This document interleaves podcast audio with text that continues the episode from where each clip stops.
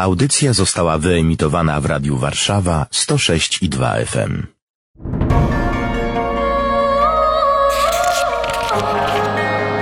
Księga.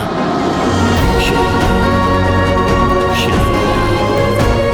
Niedzielne czytania biblijne rozważają ksiądz Łukasz Turek i Paweł Kęska. Niech będzie pochwalony Jezus Chrystus. Na wieki wieków amen. Można łatwo myśleć o naszym życiu chrześcijańskim, katolickim. Albo jesteśmy mniej, albo bardziej gorliwi. Ci bardziej gorliwi chodzą częściej do kościoła, przystępują do komunii, co miesiąc do spowiedzi, a ci mniej gorliwi rzadziej uczestniczą w tym wszystkim i tak w sumie jakoś życie leci. Dużo od nas pewnie zależy, ale czy tylko od nas? I e, czy Bóg walczy o człowieka? Zdecydowanie Bóg walczy o człowieka. Bóg walczy o każdego z nas. Walczy do ostatniego tchu, można by tak powiedzieć, chociaż naszego tchu, do ostatniego tchu naszego życia. Do ostatniego tchu Jezusa na krzyżu też. I do ostatniego tchu to, to dokładnie tak. I tutaj najbardziej widać, jaką cenę jest gotów Bóg zapłacić za to, żeby uratować nas od wiecznego potępienia. To jest właśnie to, do końca nas umiłował. Bóg nie zacho- zachował dla siebie niczego, żeby nas uratować. To jest niesamowite i tutaj widać tą walkę w szczególny sposób w męce i śmierci Jezusa. Jest jakaś pedagogika Boża e, na jego sposób walki o nas i na komunikację z nami. Dziś o tym będziemy mówić, czyli jak Bóg walczy o nas w naszym zwykłym życiu, zwykłym, niezwykłym. Zaczynamy od czytania z Księgi Mądrości, rozdział 12, wers 13 i od 16 do 19.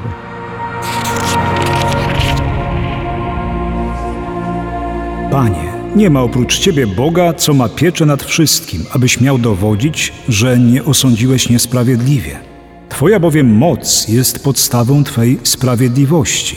Wszechwładza Twa sprawia, że wszystko oszczędzasz.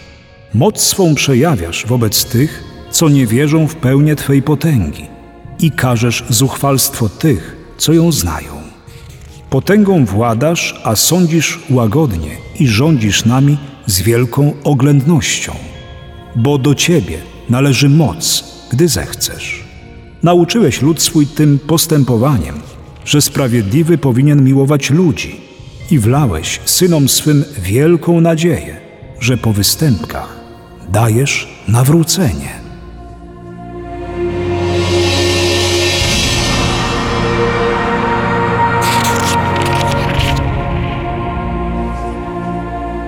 Mówimy o Bożej pedagogice, o tym, jak Bóg walczy o nas. Tu jest napisane: Wszechwładza Twa sprawia, że wszystko oszczędzasz.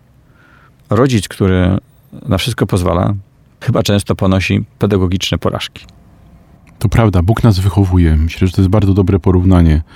Bóg nas wychowuje, e, szanując naszą wolność, jednocześnie nam przedstawia e, bardzo konkretne zasady życia.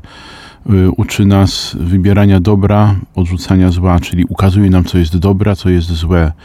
Bóg nie narzuca nam w żaden sposób swojej wszechwładzy, swojej wszechmocy, chociaż mógłby, jak to się mówi potocznie, jednym stryknięciem palca podporządkować nas całkowicie swojej woli, ale dał nam wolną wolę.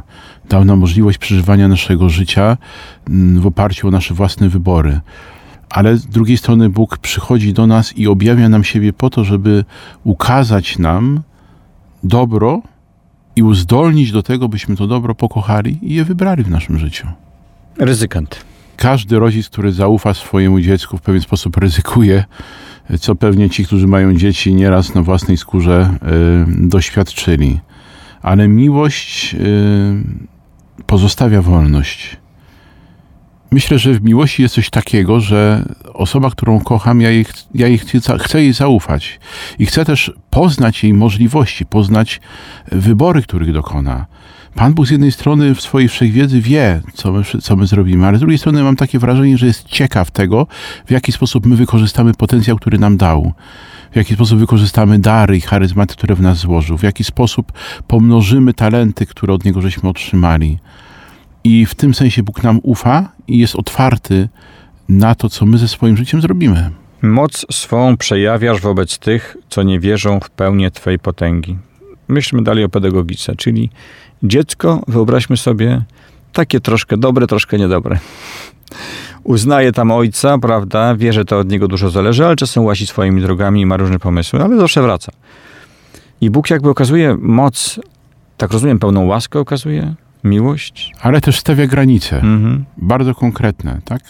To nie jest taka antypedagogika, takie bezstresowe wychowywanie, że dziecko ty sobie rób co chcesz, prawda? I nie.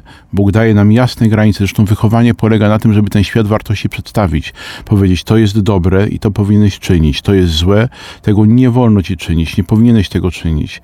I myślę, że to objawienie mocy tutaj też polega na tym, że Bóg te granice nam stawia kiedy my mamy takie wahania, czy tak popłynąć, prawda, z prądem tego świata i tak zobaczyć, co z tego wyniknie, to Bóg wyraźnie interweniuje w nasze życie, pokazując, że to jest nie tędy droga. Nie zamyka nam tej drogi, ale w jakiś sposób pokazuje, że to... Słup stoi. Tak, tu stoi słup graniczny, prawda, znak stop, prawda, nie idź dalej. No, co my z tym zrobimy, to już jest nasza sprawa, ale, ale Bóg daje szansę i, i, i stwarza okoliczności takie, żeby nas zabezpieczyć też przed złem. Mówimy o tym, że przykazania Pana Boga są takim wychowawcą dla nas. W Starym Prawie zwłaszcza, pokazując nam, co jest dobre, a co jest złe i y, skłaniając do tego, żebyśmy je zachowali, ale nie zmuszając. Dalej idąc tą pedagogiką jest napisane i każesz zuchwalstwo tych, co ją znają, czyli tą moc. Czyli jeżeli ktoś zna tę moc i potęgę i nawet ją uznaje, to go nie broni przed zuchwalstwem. Czyli taki prymus domowy, rodzinny, który się wkupił w... I mu się wydaje, że się wkupił w łaski rodziców i że to wszystko załatwił, a jeszcze nad innymi będzie miał kontrolę. O nie, nie, nie, nie. To jest gorsze przewinienie. Tak, to jest nie tędy droga. To jest na tyle gorsze przewinienie, że y, w, w kategorii grzechów ono się zalicza także do grzechu przeciwko Duchowi Świętemu. Tak? Czyli takie zuchwałe grzeszenie w nadziei otrzymania miłosierdzia. Ja wiem, że to jest złe, ale sobie mówię, prawda, syn jestem, mogę to czynić, prawda, wolny jestem, to ja będę robił co chcę, a potem Pan będzie mi musi, musiał przebaczyć. To jest bardzo niebezpieczna postawa. Myślę, że względem naszych rodziców też, bo w ten sposób względem rodziców to tracimy ich zaufanie przede wszystkim. To względem innych ludzi w ogóle tracimy zaufanie. Yy, Wiemy, że na zaufanie trzeba zapracować, bardzo łatwo je stracić, potem trudno jest je odzyskać. Pan Bóg ma dużo większy, bo nieskończony, prawda, zasób cierpliwości do nas i miłość bezwarunkową, ale tego rodzaju postawa może sprawić, że my sami zamkniemy się tak na łaskę Jego przebaczenia, że może się to skończyć nawet w ostateczności wieczną karą. Czyli odrzuceniem Pana Boga na wieki, bo ja go będę traktował w taki no, niepoważny sposób, lekceważący sposób i mogę się tak do tego przyzwyczaić, że w sumie przestanie Pan Bóg robić na mnie wrażenie. Czyli tak dobrze mi się wydaje, mi się wydaje, że tak dobrze znam Boga i jakby zasady i tak mocno siedzę w kościele, w strukturze, czy to parafialnej, czy jakkolwiek zwał, bo to nie ma tu znaczenia, że wydaje mi się, że ja kontroluję Boga, bo tak dobrze go znam. Mhm. Czemu? Bo to nie ma zagroż wolności. Kontroluję, czyli mam go w garści. To on daje wolność. No i dlatego bardzo mocno tutaj dzisiaj w tym słowie nam Pan Bóg w Księdze Mądrości przypomina, że tego rodzaju rzeczywistość będzie się zawsze wiązała z karą. Z karą. I ta kara może mieć wymiar doczesny. Będzie jakimś takim wezwaniem do pokuty, wezwaniem do nawrócenia. Ale jeżeli ja tego nie podejmę, może mieć wymiar wieczny. Rządzisz nami z wielką oględnością. To są piękne sformułowania. Nie wiem, jak to jest słownikowo w języku hebrajskim czy greckim, ale ta oględność to jest tak, że naprawdę nie czepiajmy się paragrafów, chodzi o coś innego. Myślę, że to dobre porównanie. No, dla Pana Boga szczegóły mimo wszystko są ważne, bo życie składa się z drobiazgów, często też mówimy, a po ludzku mówimy, że diabeł tkwi w szczegółach. Ale też Pan Bóg y, nie jest karnistą, tak? Nie jest, y, nie wiem, czy to jest dobre słowo, jurydystą. Tak, nie jest prawnikiem. Matematykiem. Matematykiem nie jest, chociaż y, każdy z tych zawodów prawda, od niego pochodzi, ale nie podchodzi do nas, nie, nie, nie, nie traktuje nas jako właśnie taki matematyk, który będzie wszystko wyliczał i, i teraz nie ma tutaj żadnego pola manewru, bo 2 plus 2 musi być 4 i koniec. Bóg pozostawia nam bardzo dużą przestrzeń wolności, tak jak już to powiedziałem, daje nam bardzo duży kredyt zaufania. I to jest też wyraz Jego wszechmocy, wyraz Jego potęgi, wyraz Jego miłości, bo On wszystko ma pod kontrolą. Mimo wszystko. Prawda? Nawet kiedy daje nam tą wielką przestrzeń wolności, to i tak jego opatrzność nad tym wszystkim czuwa. Owszem, złe wykorzystanie tego daru wolności, tego kredytu zaufania może mnie bardzo poważnie poranić albo zniszczyć. Ale jeżeli ja nawet zniszczę Boży plan w stosunku co do siebie, to Pan Bóg zawsze ma nowy plan, żeby mnie ratować. Na koniec autor z Księgi Mądrości zapisał takie słowa. Nauczyłeś swój lud tym postępowaniem, czyli tą pedagogiką, że sprawiedliwy powinien miłować ludzi. A propos matematyki, matematyka matematyką, Mhm. natomiast chodzi o relacje. Tak, zdecydowanie. Wiara jest relacją z Panem Bogiem. Bóg z nami postępuje jako ze swoimi dziećmi. Bóg wchodzi z nami w relacje. Bóg stworzył nas dla relacji ze sobą. I teraz my, przyjmując od Niego całe to bogactwo Jego miłości, którą ona nas wylewa i ten kredyt zaufania i tą przestrzeń wolności, jesteśmy y, wezwani do tego, byśmy Go naśladowali w tym w stosunku do innych ludzi. Byśmy żyli na świecie jako Jego dzieci, a więc jako ci, którzy doświadczając miłości od Boga, chcą także tą miłość dawać innym, dzielić się nią. Po to właśnie, żeby to Królestwo Boże w ten sposób mogło się coraz bardziej wokół nas rozszerzać. I ta pedagogika przechodzi z Boga na ludzi. O ile to jest możliwe, ludzie podobnie powinni z miłością i miłosierdziem patrzeć na świat. Tu mi się kojarzy taka sytuacja, kiedy dziecko wykonuje jakieś zadanie, choćby matematyczne, niech będzie, odrabia lekcje z rodzicem i czy to jest dobrze, czy niedobrze, czy ja coś naknociłem, czy nie, czy on mnie nie wyrzuci z domu, jak tak źle dodałem 2 plus 3 i wyszło mi 7. A ojciec patrzy na to i mówi, narobił się dzieciak, narobił. Może on nawet nie wie, ile to jest, a to nie ma znaczenia. Przyszedł, przyszedł. Jest. Jest. Mój kochany. Tak jest. Moje dziecko. I dlatego to ostatnie zdanie tego czytania jest bardzo fajne. Wlałeś synom swym wielką nadzieję, że po występkach dajesz nawrócenie. Jeżeli coś się zawali w moim życiu, zawsze mam tą nadzieję, że mogę wrócić, co zawsze zostanę przyjęty. Za chwilę przeczytamy fragment z listu świętego Pawła Apostoła do Rzymian.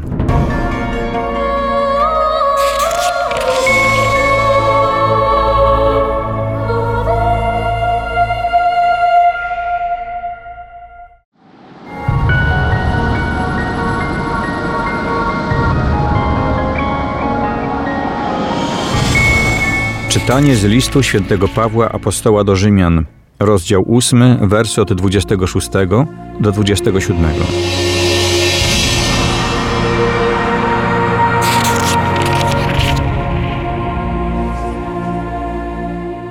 Bracia, Duch Święty przychodzi z pomocą naszej słabości. Gdy bowiem nie umiemy się modlić tak jak trzeba, sam Duch przyczynia się za nami w błaganiach, których nie można wyrazić słowami. Ten zaś, który przenika serca, zna zamiar Ducha, wie, że przyczynia się za świętymi zgodnie z wolą Bożą.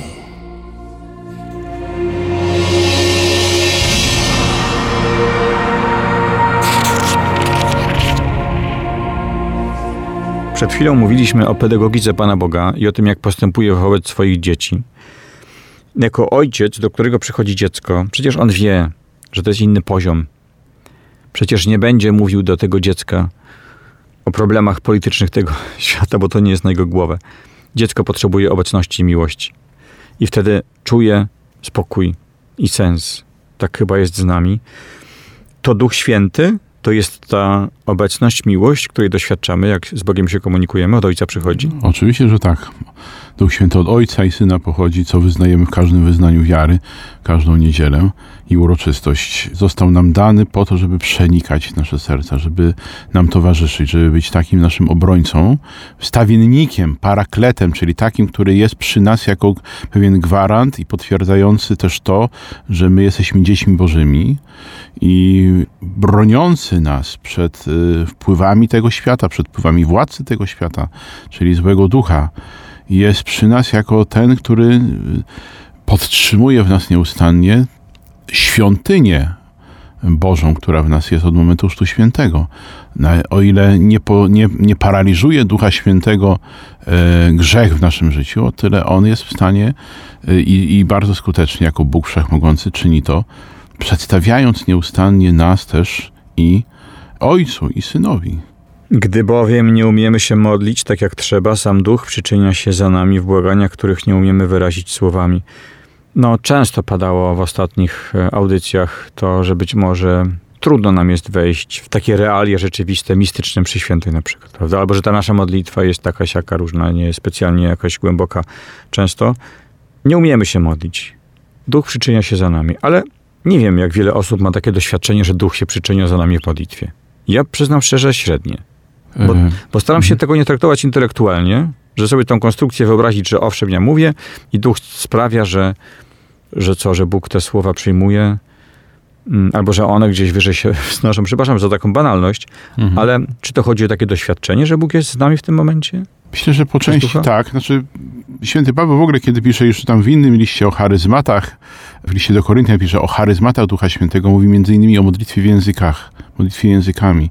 I ten fragment y, listu do Rzymian, 8 rozdział, 26 werset, bardzo często właśnie odnosimy jako dar modlitwy językami. Y, Że Duch Święty stwarza w nas taką formę modlitwy, której nie da się wyrazić słowami, ale za pomocą której to modlitwy Duch Święty wypowiada się w nas wypowiada się w nas y, w sposób, którego nie jesteśmy w stanie pojąć, ale On, który zna nasze pragnienia, wie, co się wkryje w naszym sercu, uzdalnia nas do tego, byśmy wylali przed Panem Bogiem swoje serce. W ogóle dar modlitwy w językach, jeżeli teraz można na ten temat powiedzieć więcej, często jest porównywany do takiej modlitwy gaworzącego dziecka malusieńkiego wobec rodziców. Prawda, wyobraźmy sobie takiego malutkiego bobaska, który ma kilka tygodni, prawda, kilka miesięcy. On y, mówić nie potrafi nie powiem mamie, prawda, jestem zadowolony, dobrze, że mnie nakarmiłaś, prawda, dobrze, że mnie przewinęłaś, e, ale jest szczęśliwy, kiedy jest najedzony, jest wyspany, jest, jest, jest e, przewinięty, jest mu, jest mu dobrze. E, Leży zadowolony cały swoim łóżeczku, mama, tata się nad nim pochylają, prawda, coś tam do niego gugają, jak to rodzice i ten małe dziecko zaczyna wtedy właśnie wypowiadać przed nimi swoją radość, swoje szczęście, nie używając do tego żadnych słów, które można byłoby przełożyć na, na zrozumiały dla nas język. Ale rodzice rozumieją. Mama wie, o czym to dziecko mówi, wie, co chce wyrazić za pomocą tych, tych dźwięków, które z siebie wydaje. Czyli można powiedzieć, że to dziecko wypowiada się w sposób, którego nie da się wyrazić słowami. Wypowiada to się ma do nas? szczęście. Jak to się ma do nas? No, jeżeli ktoś się modli językami, jeżeli ktoś przyjął Ducha Świętego w taki, y, otworzył się na ten wymiar charyzmatyczny, pomodlił się, poprosił o to, żeby, żeby Duch Święty dał mu tą dar modlitwy w językach, no to ma sprawę bardzo ułatwioną. Natomiast bardzo ważne jest też to tutaj, żeby pamiętać o tym, że jeżeli ja sam nie potrafię pewnych rzeczy w sobie nazwać, ale we mnie jest pragnienie, żeby Bóg mnie zrozumiał, żeby zrozumiał to, co się we mnie dzieje, czego ja nie jestem w stanie nazwać y, y, własnymi słowami, jest tutaj we mnie jakieś takie, no nie wiem co, taka właśnie niewypowiedziana rzeczywistość, niewypowiedziany ból, niewypowiedziane pragnienie, niewypowiedziana tęsknota, niewypowiedziana wdzięczność, to jeżeli ja z takim sercem gorącym i pragnącym się wypowiedzieć zatrzymuję się na modlitwie, to Duch Święty wtedy to wszystko tak czy inaczej, to co we mnie jest, Ojcu i Synowi przedstawia. No właśnie, tu się jeszcze zatrzymajmy, bo to myśmy o tym mówili, ale nigdy dość powtarzania, bo przecież praktyka religijna, modlitwy, ksiądz teraz mówi też o modlitwie serca, być może w ogóle każda powinna być taką modlitwą, ale praktyka religijna to nie jest jakaś praktyka osobna od życia. My mamy jedno serce, ono się nie dzieli na serce, że tak powiem, lewa komora jest religijna albo prawa, lepiej, a lewa jest niereligijna. Nie, to jest jedno serce, jeden ból, jedno szczęście, tylko adresat może być różny. Czyli trzeba z całego serca mówić. Z głębi serca i Tak ból i jest. radość. I być szczerym przed Panem Bogiem. I prosić ducha, żeby to wziął, zaniósł do nieba. Tak jest. I myślę, że nawet nie trzeba specjalnie prosić, ale, ale zdecydowanie tak. I myślę, że otwierać się też na, na, na te różne, różne nowe możliwości wyrażania siebie przed Panem Bogiem. Ponieważ tutaj nie ma żadnych granic. Ja mogę się przed nim wyrażać i śpiewem, mogę się wyrażać przed nim tańcem, mogę się wyrażać przed nim milczeniem. Mogę się... Mamy naprawdę niezliczoną ilość e, sposobów stawania przed Panem Bogiem, ale tak jak Pan słusznie powiedział, ważne, żeby to wszystko rodziło się z głębi serca e, żeby było związane z tym głębokim pragnieniem zbliżenia się do Ojca, zbliżenia się do Jezusa, e, wszczepiania się w ten krzew winy, którym On jest. Ten zaś, który przenika serca, zna zamiar ducha. To Bóg. To Bóg, tak, tak. Ten, który przenika serca, który przenika serca, to jest Bóg. I On zna zamiar ducha. Wie, że przyczynia się za świętymi zgodnie z wolą Bożą. Czyli Duch Święty przyczynia się za świętymi, jest jakby ich głosem. Tak, Nosi za nami, głos, za tak. nami. My jesteśmy tymi świętymi. Duch Święty przyczynia się za nami zgodnie z wolą Boga. No trudno, żeby Duch Święty, który jest Bogiem, robił coś w naszym życiu, co byłoby niezgodne z, z wolą Bożą. Czyli to jest istota modlitwy, czyli sam Bóg pomaga nam mówić do... Do siebie, wypowiedzieć się, Tak. otworzyć się, wylać swoje serce, wydobyć z głębin naszego istnienia, życia to wszystko, co jest, no właśnie, co powinno być Panu Bogu ofiarowane. Czy to będzie uwielbienie, czy też to będzie oddawanie Mu swojej nędzy, swojego grzechu, swoich problemów, nieumiejętności. Bogu naprawdę zależy na tym, żebyśmy byli przed Nim szczerzy. My mamy taką tendencję wziętą ze świata, żeby dobrze wypaść w oczach tych, z którymi y, budujemy relacje, zwłaszcza jeżeli nam na tym zależy, żeby coś od nich uzyskać. I czasami przenosimy to, albo może nawet często na Pana Boga, żeby musimy przed Panem Bogiem być układni, ładne słówka gładkie wypowiadać, żeby Pana Boga nie urazić, żeby zasłużyć sobie na Jego względy, na Jego miłość, przebaczenie czy tam łaskawość. Tymczasem to absolutna pomyłka. Bo po pierwsze, Pan Bóg wie wszystko, co jest, bo przenika serca człowieka, wie, co się w nas kryje, więc i tak niczego przed nim nie ukryjemy. Cokolwiek się w nas dzieje, nawet jeżeli to będzie jakaś forma gniewu, prawda, na Pana Boga, niezgody na to, co się w moim życiu dzieje, Bóg to zna. Nie ma najmniejszego powodu, żeby nie ubrać tego w słowa i nie wypowiedzieć się przed nim, tak jak potrafi, właśnie chociażby po to, żeby oddać mu to wszystko, czego nie rozumiem, czego nie czuję, czego, czego nie wiem. Za chwilę przeczytamy fragment z Ewangelii według świętego Mateusza.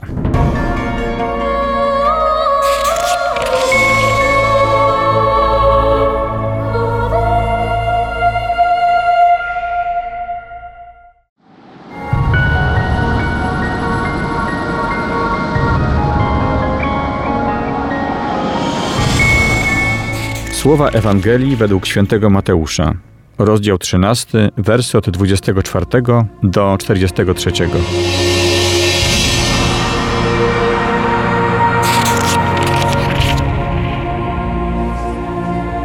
Jezus opowiedział tłumom tę przypowieść. Królestwo niebieskie podobne jest do człowieka, który posiał dobre nasienie na swojej roli. Lecz gdy ludzie spali, przyszedł jego nieprzyjaciel, nasiał chwastu między pszenicę i odszedł. A gdy zboże wyrosło i wypuściło kłosy, wtedy pojawił się i chwast.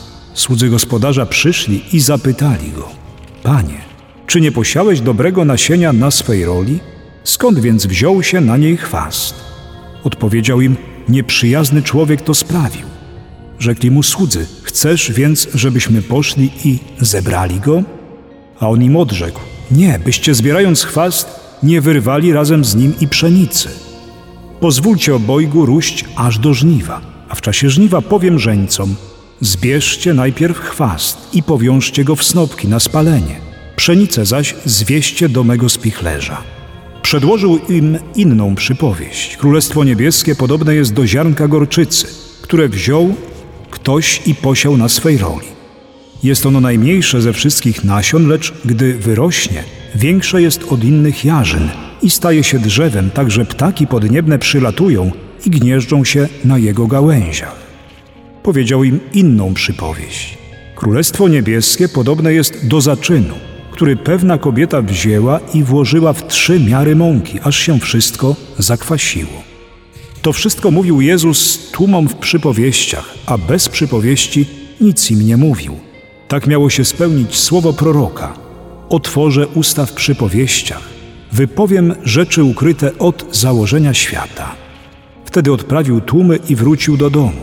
Tam przystąpili do niego uczniowie, mówiąc: Wyjaśnij nam przypowieść o chwaście.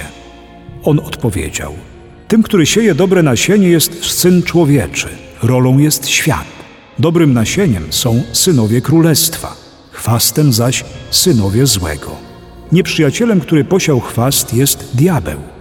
Żniwem jest koniec świata, a żeńcami są aniołowie. Jak więc zbiera się chwast i spala w ogniu, tak będzie przy końcu świata.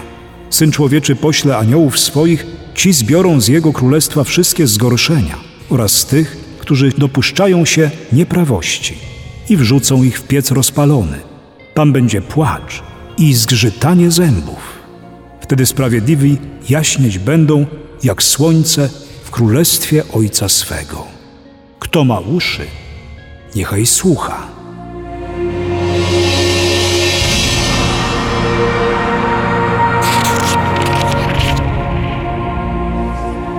Mówimy dziś o pedagogice Pana Boga.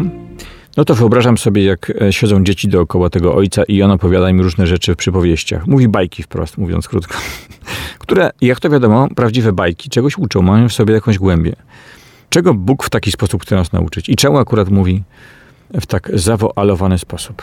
On nie jest specjalnie zawoalowany. Może dla nas, ludzi żyjących w XXI wieku, na blokowiskach tego świata, jest w oderwaniu od przyrody, byśmy sobie powiedzieli. No dla apostołów był zawoalowany, bo oni nie rozumieli, o co chodzi. No ale przynajmniej obrazy nie były dla nich nieczytelne. Te obrazy były czytelne dla ludzi, którzy słuchali, bo i zaczyn, prawda, i, i gorczyca, i gorczyca ziarnko i tak dalej, to wszystko i chwasty sporu, to, to była rzecz oczywista. I oni się z tym ciągle spotykali, mierzyli, prawda, zmagali, walczyli jakieś przeciwności, na przykład jak te chwasty, chociaż chyba żaden z apostołów nie był specjalnie rolnikiem. Niemniej, to było ich życie, to była ich codzienność, nie tylko, nie tylko apostołowie tego wszystkiego słuchali, więc jest Jezus mówi do nich w taki sposób, który dla nich jest przystępny, obrazowy. Tak jak i Teraz mi się przypomina, że w kościołach dawniej była tak zwana Biblia ubogich, Biblia pauperum, czyli wymalowane historie biblijne na ścianach e, kościołów, żeby ludzie prości mogli przez obrazy, które widzą, napełniać się tym, co te obrazy ze sobą niosą, co się za nimi kryje. Więc Jezus, e, opowiadając te przypowieści, i nie tylko on zresztą, bo to była bardzo popularna forma e, nauczania, sprawiał, że to wszystko tworzyło pewną rzeczywistość bardzo plastyczną. Ludzie to widzieli. Ta opowieść była rzeczywistością, która, która pobudzała ich wyobraźnię, a przez wyobraźnię może docierać do serca. To jest jedna rzecz. I w tym też sposobie przepowiadania Pana Jezusa kryje się pragnienie bycia zrozumianym pragnienie dotarcia do każdego na jego własnym poziomie. To, że oni tego wszystkiego nie rozumieli do końca, a na pewno nie wszyscy, to jest prawda. Ale ile rzeczy my dzisiaj, które Pan Bóg do nas mówi, które słyszymy w Kościele, też nie rozumiemy. Nie zmienia to faktu, że jest to zasiewanie słowa w sercach słuchaczy, czyli też czynienie tej ziemi żyzną wylewanie łaski, której to wszystko, co Bóg chce, żeby zrozumieli, żeby przyjęli i żeby to w jakiś sposób wpłynęło na ich życie, na ich relacje, e, żeby to mogło w coraz lepszym stopniu funkcjonować. Przyszło mi do głowy właśnie, że miłość jest wielką przypowieścią. Przypowieścią w tym sensie, że nawet jak e, człowiek się zakochuje, czy nie wiem, to rodzą się dzieci, to przeżywa konkretne, drobne historie, w których kotwiczy wielki sens, jakąś wrażliwość, rozumienie świata, wiele mądrości. A tak naprawdę sensem tego jest gdzieś sama miłość, pewna głębokość, a cała reszta to są tylko formy. Tak, a miłość ta, która, którą jest Bóg yy, i która od Boga pochodzi, która jest od założenia świata, albo raczej przed założeniem świata, jest też tym darem, którym Pan Bóg chce nas napełniać po to, żeby dokonywać w nas tego, wyjaśnić nam to tutaj bardzo fajnie jest pokazane. Tutaj odwołanie do psalmisty, do proroka, Pan Jezus się tutaj odwołuje. Otworzę usta w przypowieściach, wypowiem rzeczy ukryte od założenia świata. To jest niesamowite. Mi się od razu przypomina inny fragment Pisma Świętego, gdzie jest powiedziane, że Bóg wybrał nas przed założeniem świata, abyśmy byli święci i nieskalani przed Jego obliczem. Więc to, co Bóg mówi przy powieściach, tak naprawdę jest wypowiedzeniem Jego wielkiego pragnienia w stosunku do każdego z nas, w stosunku do całego stworzenia, żeby nam ułatwić zrealizowanie tego zamiaru Bożego, który jest odwieczny odwieczny i który jest dla nas najlepszy, jedyny, e, doskonały, będący dla każdego z nas źródłem szczęścia. Więc Bóg szuka sposobów, żeby zrealizować swój odwieczny plan w stosunku do każdego z nas. No to do rzeczy. Nasiał zboża, nasiał, pięknie rosło. Przyszedł w nocy jakiś zły i nawrzucał chwastu. To jest ta przypowieść. Tak. Czego możemy się z tego nauczyć?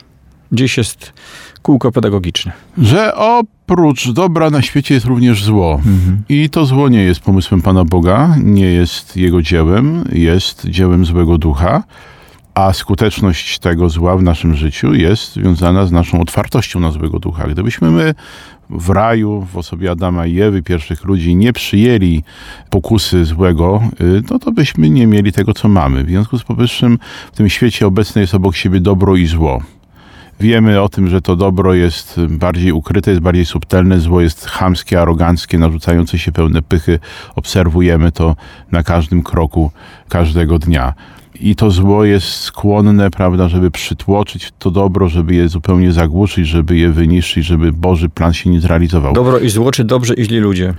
Jedno i drugie jest y, prawdą, bo dobro i zło jest rzeczywistością, którą człowiek przyjmuje do swojego życia. Przyjmuje albo dobro i wtedy będę dobry, albo będę żył źle, przyjmując zło jako, nie wiem, sposób realizacji swojego istnienia i wtedy będę zły. Tutaj zdecydowanie jest oczywiście powiedziane o tym, że tym, który sieje dobre nasienie jest Syn Człowieczy, rolą jest świat, dobrym nasieniem są synowie królestwa, chwastem zaś są synowie złego, a nieprzyjacielem, który posiał chwast jest diabeł. Już prostszej nauki nie da się wyjaśnić.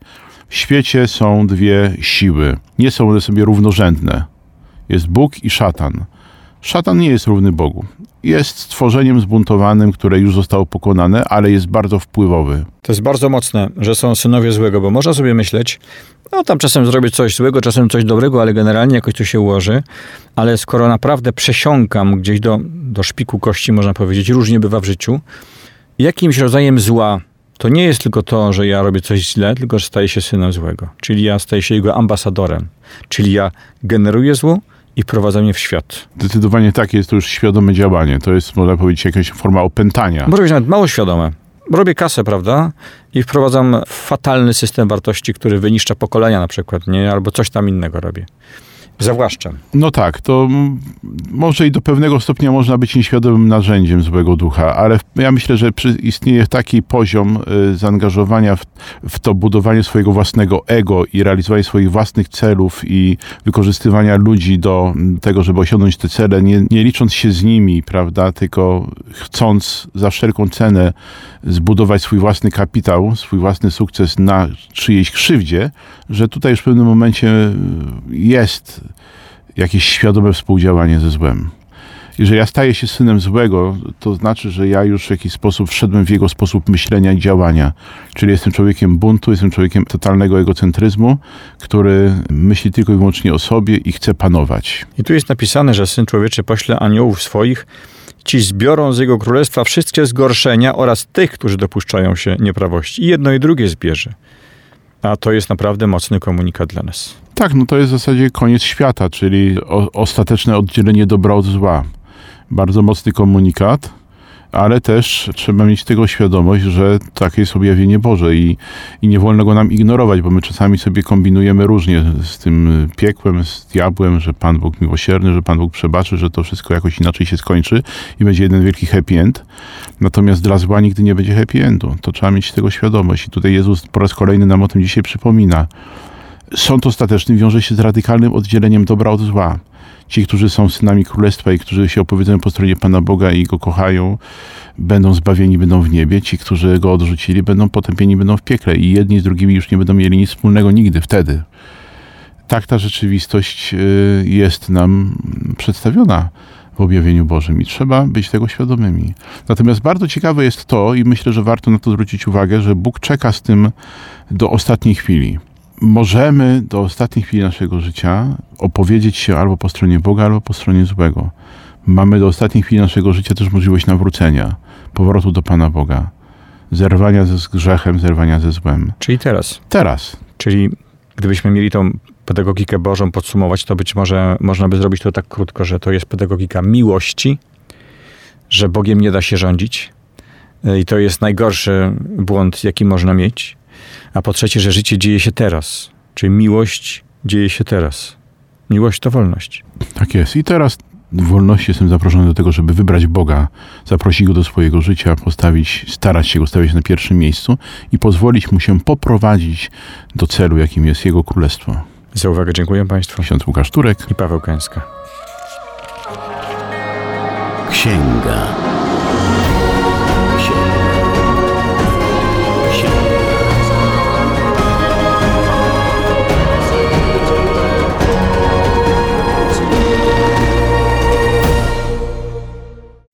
Radio Warszawa nagrywa i udostępnia nieodpłatnie audycje takie jak ta. Dzięki wsparciu finansowemu słuchaczy i przyjaciół. Wejdź na www.radiowarszawa.com.pl i wpłać darowiznę. Wzmocnij nasze dobre fale. Dziękujemy.